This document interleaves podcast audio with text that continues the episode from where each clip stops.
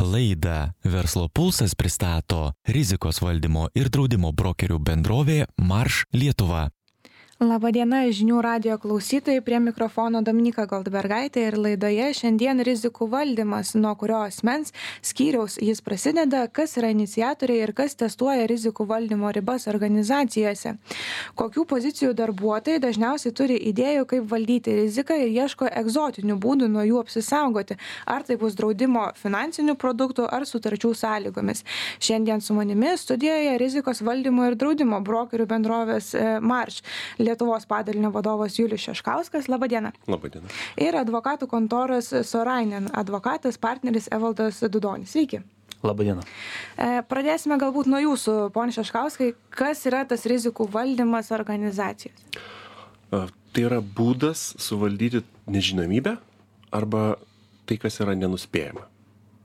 Pagrindinis tikslas yra, kai jūs ar mes nežinome, kas įvyks ateityje, ir tai gali sukelti neigiamų padarinių organizacijai, asmeniui, asmeniam gyvenime, tai būtent noras ir galimybė ir būdas tai suvaldyti ir yra vadinama rizikų valdymu. Tai kodėl, kodėl svarbu tą daryti apskritai? Nes nevaldant rizikų galima patirti nuostolius, galima susigadinti reputaciją ir galima tiesiog sveikatą susigadinti labai prastai kalbant. E, pone Valdai, kas nustato organizacijų rizikos toleranciją arba norą prisijimti riziką darant verslą? Tai tikriausiai visų pirma tą tolerancijos ribą apibrėžia tai koks koks yra pats pobūdis veiklos tos organizacijos. Jeigu ta organizacija yra reguliuojama ten bankai farmacijos įmonės e, elektroninių pinigų įstaigos ar, da, ar energetikos įmonės, jų e, tolerancija rizikai iš karto yra žemesnė nei tų, kurios yra veikiančios tam vadinkim normaliam nereguliuojamam sektoriuje. E, antras gal toks kriterijus tai yra ir pačios organizacijos dydis, nes kuo bendrovė didesnė, kuo masyvesnė, jinai tuo daugiau ant stalo turi padėjusi, matyti ir todėl ta rizika e, norisi labiau kontroliuoti. Tuo tarpu jaunos, e, ambicingos ar ne bendrovės yra labiau kaubojiškos ir labiau tolerantiškos rizikai ir na galiausiai tikriausiai tą įtakoja ir tas žmogiškasis faktorius nes tam tikros ir specialybės ir profesijos yra vienos labiau linkusios riziką toleruoti o kitos kaip tik jo jų labiau prisibijo. Jūs paminėjote ne e, įmones kurios veikia nereguliuojamose srityse. Kas lemia jų norą e, apsiimti riziką noras greitai augti kuo greičiau uždirbti pelno išbandyti tai ko kas rinkoje dar niekas nedarė arba užimti kažkokią konkrečią nišą rinkoje. E, ką rodo galbūt, nežinau, kažkokia statistika, ar apsimoka apsimti riziką tokiams įmonėms? manyčiau vien kokių nors pavyzdžiui vienaragių skaičius mūsų baltijos valstybėse rodo kad tos rizikos prisiėmimas e, kas tikrai būdingas visiems startapams startiniam etape apsimoka ir vertas tuose pradiniuose etapuose. Tai didesnės įmonės irgi mažiau rizikuoja ar ne, labiau taip linkusios konkrečiai kažką. Taip, taip. E, didesnės įmonės jau kaip ir kalbam, ar ne, jos turi daugiau kažką prarasti, jeigu tų rizikų nevaldys. Todėl pradžioje, kai tu dar neturi ko prarasti realiai, tai tau ir linkęs daugiau rizikuoti. Tuo tarpu, kai jau organizacija užauga, ji pradeda krypti į tą pusę, o kaip tai išsaugoti, ką mes jau sukūrėme. Ir todėl didesnė organizacija, didesnė įmonė yra linkusi labiau valdyti savo rizikas ir labiau daug daugiau dėmesio skiria rizikų valdymui. E, jūs, e, ponė Juliau, kaip jūs matote šitą situaciją? Um, realiai mes kalbame apie rizikos toleranciją uh, ir kaip realiai įmonė nori ar nenori prisimti. Pradžioje įmonė dažniausiai yra vienas akcininkas, vienas asmo, nes jis ją įkūrė, jis nuo to viską pradeda. Ir jo supratimas nuvilnija žemyn visos įmonės istoriją ir žemyn tiesiog hierarchijoje. Tai reiškia, kad kuo yra daugiau lygių, tuo labiau yra skiedžiamas supratimas tiesiog, kas tas yra rizika ir kad jinai yra tokia, yra, tokia yra. Įmonės kartais daro prielaidą, kad e, jeigu vadovas pasakė taip ir darom, tai bloga praktika. Kitu aspektu, būtent akcininkas yra nesudomintas valdyti riziką, nes jo verslas yra paprastas perku parduodu, pavyzdžiui. Šito vietoje atsiranda nu, įstatymai, reguliavimas. Iki pirmos bylos viskas eina savaiga dažniausiai.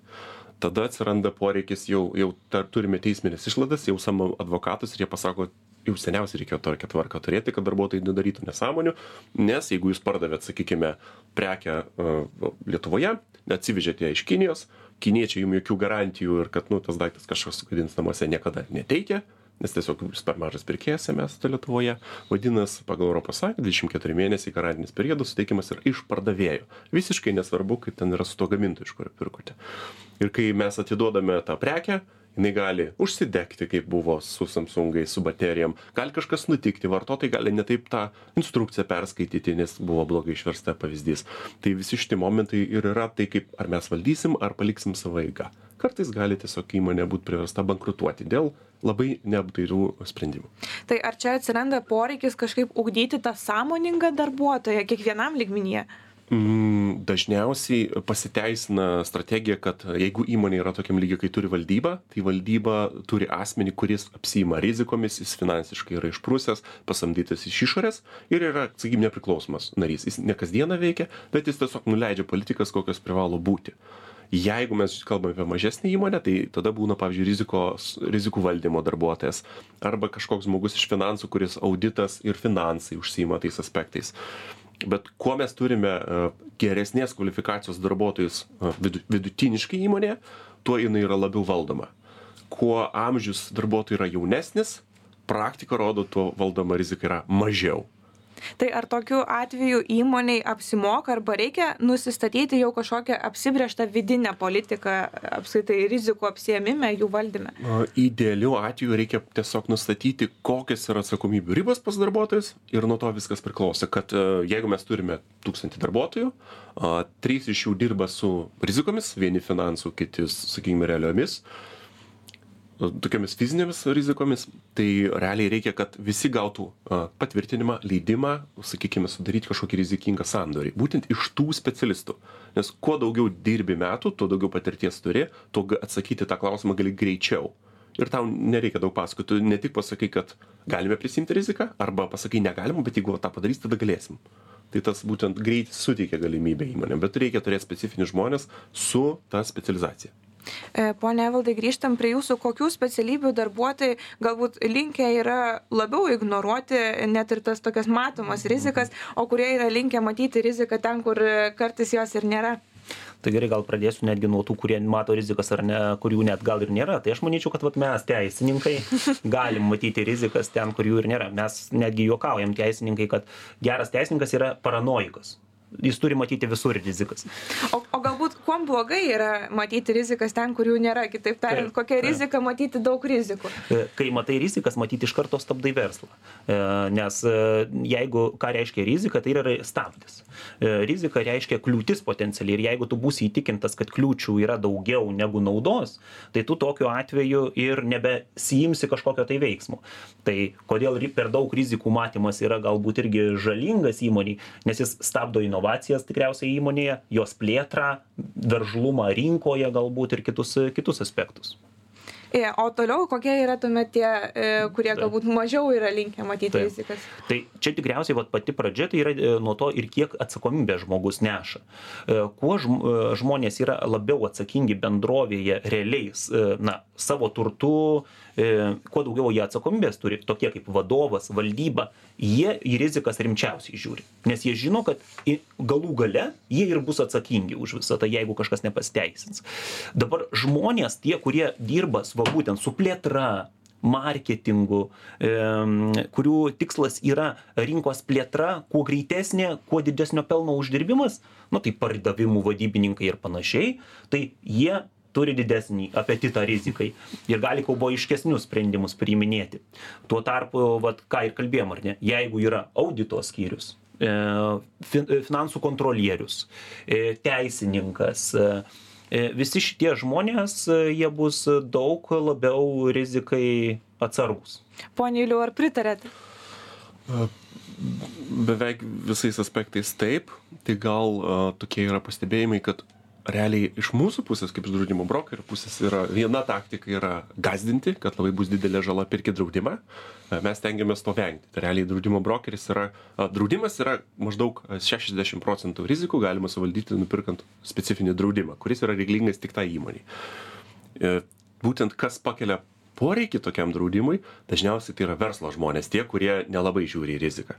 Bet jie jau turi patirties kuriuo kuriuo draudimu mes galime sudengti kažkokią riziką.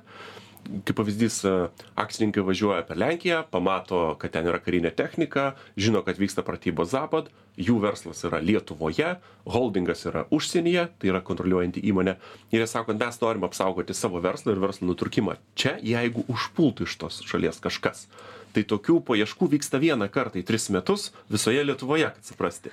Tai va tie inovatyvūs ir su pardavimais susiję žmonės yra tie kuriem to reikia. Būtent tų produktų unikalių kurie gali Tai padaryt labiau tokią egzotiką mėgsta. egzotiką mėgsta nes e, būtent verslo e, plėtros vadovai arba finansų vadovai kurie yra siunčiami į užsienį ištirti rinką jie yra mes asmeniškai esame gavę užklausų einame į tą pačią Ukrainą, einame į uh, Baltarusiją, uh, darysime saulės energetiką, vėjo energetiką, dujų energetiką ir pasirašysime su valstybėmis uh, tarifikaciją, kiek jie mums mokės už kvadratą, kubą, nesvarbu, kilovatvalandę. Ir šitoje vietoje yra specifiniai draudimai, kurie apsaugoti, jeigu valstybė nemoka laiku, nuėjus į arbitražą, arbitražas pasako ir valstybė nemoka, tai draudimo įmonė išmoka šitoje vietoje. Tai būtent tos pozicijos, kurios yra veržlios, jie sako, suraskit man kažką, kaip nuo to apsisaugot tai būtent tai yra varomasis variklis iš mūsų pusės kad tada mes galime europos mastu ieškoti kažkokių draudimo sprendimų kurie yra nu įdomūs ir jie sprendžia tą problemą kurios standartiniu metodu tu negali išspręsti O kokia bendrai tendencija yra Lietuvoje, kas dažniausiai yra atsakingas už rizikos prisėmimą ir tą tokį leidimą darbuotojams valdyti riziką patiems? Mhm, mhm. Tai kaip vėl viskas kaskaduoja, ką ir Julius sakė, ar ne žemyn, tai tikriausiai ta kaskadavimas irgi prasideda todėl, kad pagal šiaip bendra taisyklė yra, kad akcininkas neatsako šiaip už bendrovės prievolės. Yra tokia E, bendra taisyklė. Tačiau jinai yra irgi paneigta ir teismų praktikoje. Ten jeigu paims akcininkas ir, kaip pavyzdys, sukurs Feniksą bendrovę ir ją permetinės visą turtą, ten yra tokia legendinė jau aukščiausiojo teismo nutartis, kur e, tokios įmonės baninis e, akcininkas įsteigė greta įmonę transbaninis, į ją perkelė visus vilkikus ir, ir, ir visą kitą susijusį turtą. Ir tada kreditorius jį kreipėsi, kad akcininkas padarė žalą, vad sukūrė Feniksą. Ir iš to vat vadovo akcininko buvo priteista keturiasdešim tūkstančių eurų. Tai pasitaiko tų atvejų kada akcininkai atsako bet realiai atsakomybę bendrovėje neša valdyba ir vadovas. Ir kadangi bendrovėje atsakomybę neša valdyba ir vadovas tai jie ir yra tie asmenys kurie suinteresuoti kad atsirastų sistema bendrovėje rizikos valdymo. E, rizikos valdymo politika kad e, sutartyse būtų numatytas e, kažkokie rizikos valdymo elementai kad draudimas atsirastų bendrovėje ir panašūs dalykai. O reikalinga kažkokia valdybos kontrolė, rekomendacija, gal geriau tiesiog leisti vadovams patiems nuspręsti, kaip vystyti visą veiklą? Um, realiai situacija yra tokia, kad kai kurių dalykų apdrausti negalima. O ta vadinama bendroji civilinė atsakomybė, jinai yra antiek bendras, kad draudžia nuo nieko. Nu, paslys žmogus ant laiptų ir viskas. Norint apdrausti ar apsisaugoti nuo tam tikrų dalykų, draudimo, draudimo įmonės turi gauti poreikį specifiškai pagal tai, ką jūs darote, kad žinotų, tai ką jie draudžia. Kito atveju tai nėra drausta ir uh, baudos, verslo sprendimai, noras eiti į kažkokią rinką, tai ir yra pagrindinės rizikos. Kaip galima padėti valdyti, sakykime, plėtrą į užsienį, tai yra pirkti pirmiausia statistinius duomenis iš užsienio tos rinkos, kad žinoti, toj rinkoje yra madingas tokio tipo limonadas ar ne, prieš jį paleidžiant į rinką. Gauname rinkos duomenis, žinome eiti neiti. Kitas dalykas, galime siūsti valdybos narius arba direktorių į tą šalį, kad pradėti tą verslą. Nes vietiniai pasirodo nemoka dirbti, nu, mūsų supratimu, ir jie tiesiog numarins tą biznį. Toks labai paprastas supratimas yra. Ir kai tu nusinti žmogų tenais, jis teoriškai yra atsakingas. Mes jį galime tikrinti, bet kadangi jis nėra vadovas ar valdybos narys, kai kuriuo duotuoju momentu, pavyzdžiui, verslo vystymo vadovas, tai jis nebus atsakingas, kad pavyko numarinti tą situaciją. Tada bus žiūrima, kodėl direktorius arba valdyba jo nekontroliavo teisingai. Tai šitas momentas, ta rizika yra perleidžiama. Profesionaliai kaip atrodo. Įmonė šiuo metu dirba ir rizikų vadovas uh, yra realiai atsakingas, kad sutikrintų visus įmanomus draudimo produktus, kurie gali suvaldyti visas jiems aktualias rizikas, padaryti užklausas, gauti pasiūlymus ir tas kainas atiduoti valdybai arba direktoriui spręsti tada jis bus profesionaliai padaręs savo darbą nepriklausomai nuo to nupirko draudimą nepirko draudimą visiškai nesvarbu bet jis profesionaliai padaro savo darbą. Bet tai vėlgi inicijuoja kontroliuoja direktorius ir valdyba jeigu mes net neturime rizikos žmogaus tai tik vadovas vėl atsakingas už už visus šitus klausimus ir plius ta atsakomybė gali būt perleidžiama Tai šito Tai vietoje. tuomet galim gal aptarti kokius patarimus kelis, kokios yra tos geriausios priemonės valdyti riziką savalaikiai, kad nu, nesustabdyti tą verslą. Taip. Tai gal tos pa- pagrindinės tos priemonės tai yra visų pirma, kad e, irgi va, čia ką kalbėjom, kad vadovas iš tikrųjų už viską atsako ir čia gal net iliustracija būtų, kad netgi ir administracinių nusižydimų kodeksas, kad visos formuluotės, kur kalbam apie sankciją, ten vos neparašyta, už tai atsako vadovas arba atsakingas asmuo. Tai va, tai pirma ta ko- kontrolės priemonė, tai ga- galėtum paskirti tuos atsakingus asmenis. Tik tačiau tai irgi svarbu padaryti tvarkingai ir formalizuoti tą perdavimą. Kaip tai galima padaryti? Na, darbo sutartimi, įstatuose galbūt aprašyti, e, pareigybinėse aprašuose. Svarbu to nepamiršti ir kad darbuotojas suprastų, jog jis prisima tą atsakomybę. Tas irgi svarbu. Antras ir tikriausiai netgi svarbiausias dalykas yra vis tik ta rizikų prevencija. Ir ta rizikų prevencija tai iš tikrųjų gal prasideda nuo to mentalinio dalyko, kad įmonėje turi būti suprantama, kad rizikų valdymas yra svarbu. Kad ri- rizikas mes vertinam rimtai, o ne tik dėl popierėlio ar tik politikos ar tvarkos. Tai tam turi egzistuoti tvarka ar politika, ar ne kažkokia rizikų valdymo, bet jinai turi būti ištransliuota taip, kad suprastų darbuotojai, jos, jos laikomės. Na ir galiausiai tikrai kiekvienas ir dažn- dažnas tinkamai rizikas valdantis subjektas visada turi draudimą, kuris, jeigu jau prevencija nesuveiks ir pavedimai, jis veikia kaip pagalvė. Žinoma, darant prielaidą, kad čia nebuvo kažkokių tai sukčiavimų ir panašių dalykų. Tai kaip įmonės direktorius galbūt ir valdyba gali apsisaugoti tą savo interesą, vykdydami savo veiklą rizikingose sektoriuose? Pirmiausia, tai startas yra a, kaip ir a, vadovų draudimas, a, nes su kolega prieš tai kalbėjome, kad pagrindinis aspektas yra, kad pirmiausia, vadovas yra, ir valdyba yra atsakingi prieš akcininką ir akcininkus, bet jeigu atsiranda kreditoriai, jis pagal įstatymą tampa atsakingu prieš kreditorius. Vadinasi, vieną dieną įsijungia jungiklis ir jeigu mes skolinamės pinigus ir mes nežinome, kaip gražinsime pinigus ir yra nu, situacija tokia, tai mes asmeniškai kaip vadovai būsime paduoti į teismą dėl to, kad išvaistėme lėšas. Nors akcininkas sakė, darykite verslą ir nieko čia nekreipkite dėmesio. Nes nesvarbu, ką sako jūsų akcininkas, yra įstatymai, kurie pasakys, kad jūs esate kalti. Tai draudimas, vadovų draudimas gali būti vienas iš dalykų, kur reikia turėti. Kitas yra aspektas, kad reikia labai gerai suprasti, kad vadovui, sakykime, akcininkui arba savininkui atsitiks visų pobūdžių a, rizikos, draudimų, sakykime, žalos per ten 60 metų, kuris turės verslą. Jam ir degs, ir kibernetinės atakos įvyks, ir jie apgaus, ir jis apgaus, ir visokios situacijos bus.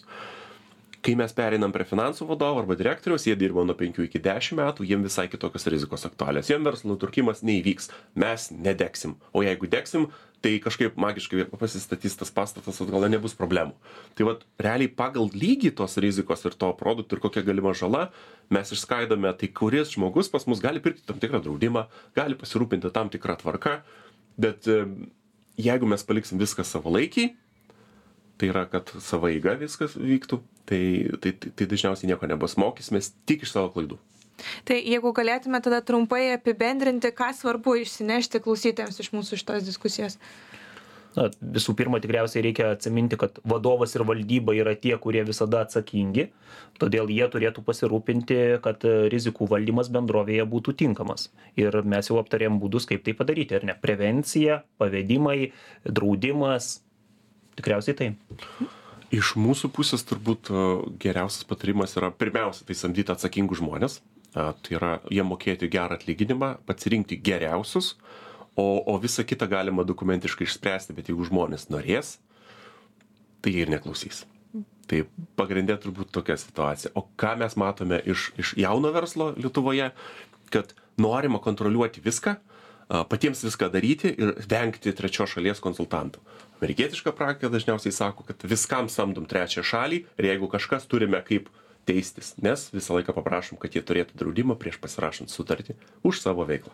Tai mes tada vis, viską, kas yra rizikinga, numetam ant kitų ir turime mechanizmą susigražinti pinigus, nes visur yra apsaugota draudimo polisais. Tokia amerikoniška, sakykime, praktika. Tai aš tuomet dėkoju Jums, kad dalyvavote mūsų laidoje. Žinių radio klausytojams primenu, kad eterija kalbėjo rizikos valdymo ir draudimų brokerių bendrovės Marš Lietuvos padalinio vadovas Julius Šeškauskas ir advokatų kontoros Sorainen advokatas partneris Evaldas Dudonis. Kitose šio ciklo laidose kalbėsime apie darbuotojų mm, samdos ir išlaikymo specifiką, vėliau apie įmonių pirkimus ir pardavimus. Prie mikrofono buvo Dominika Goldbergaitė, likite prisijungę.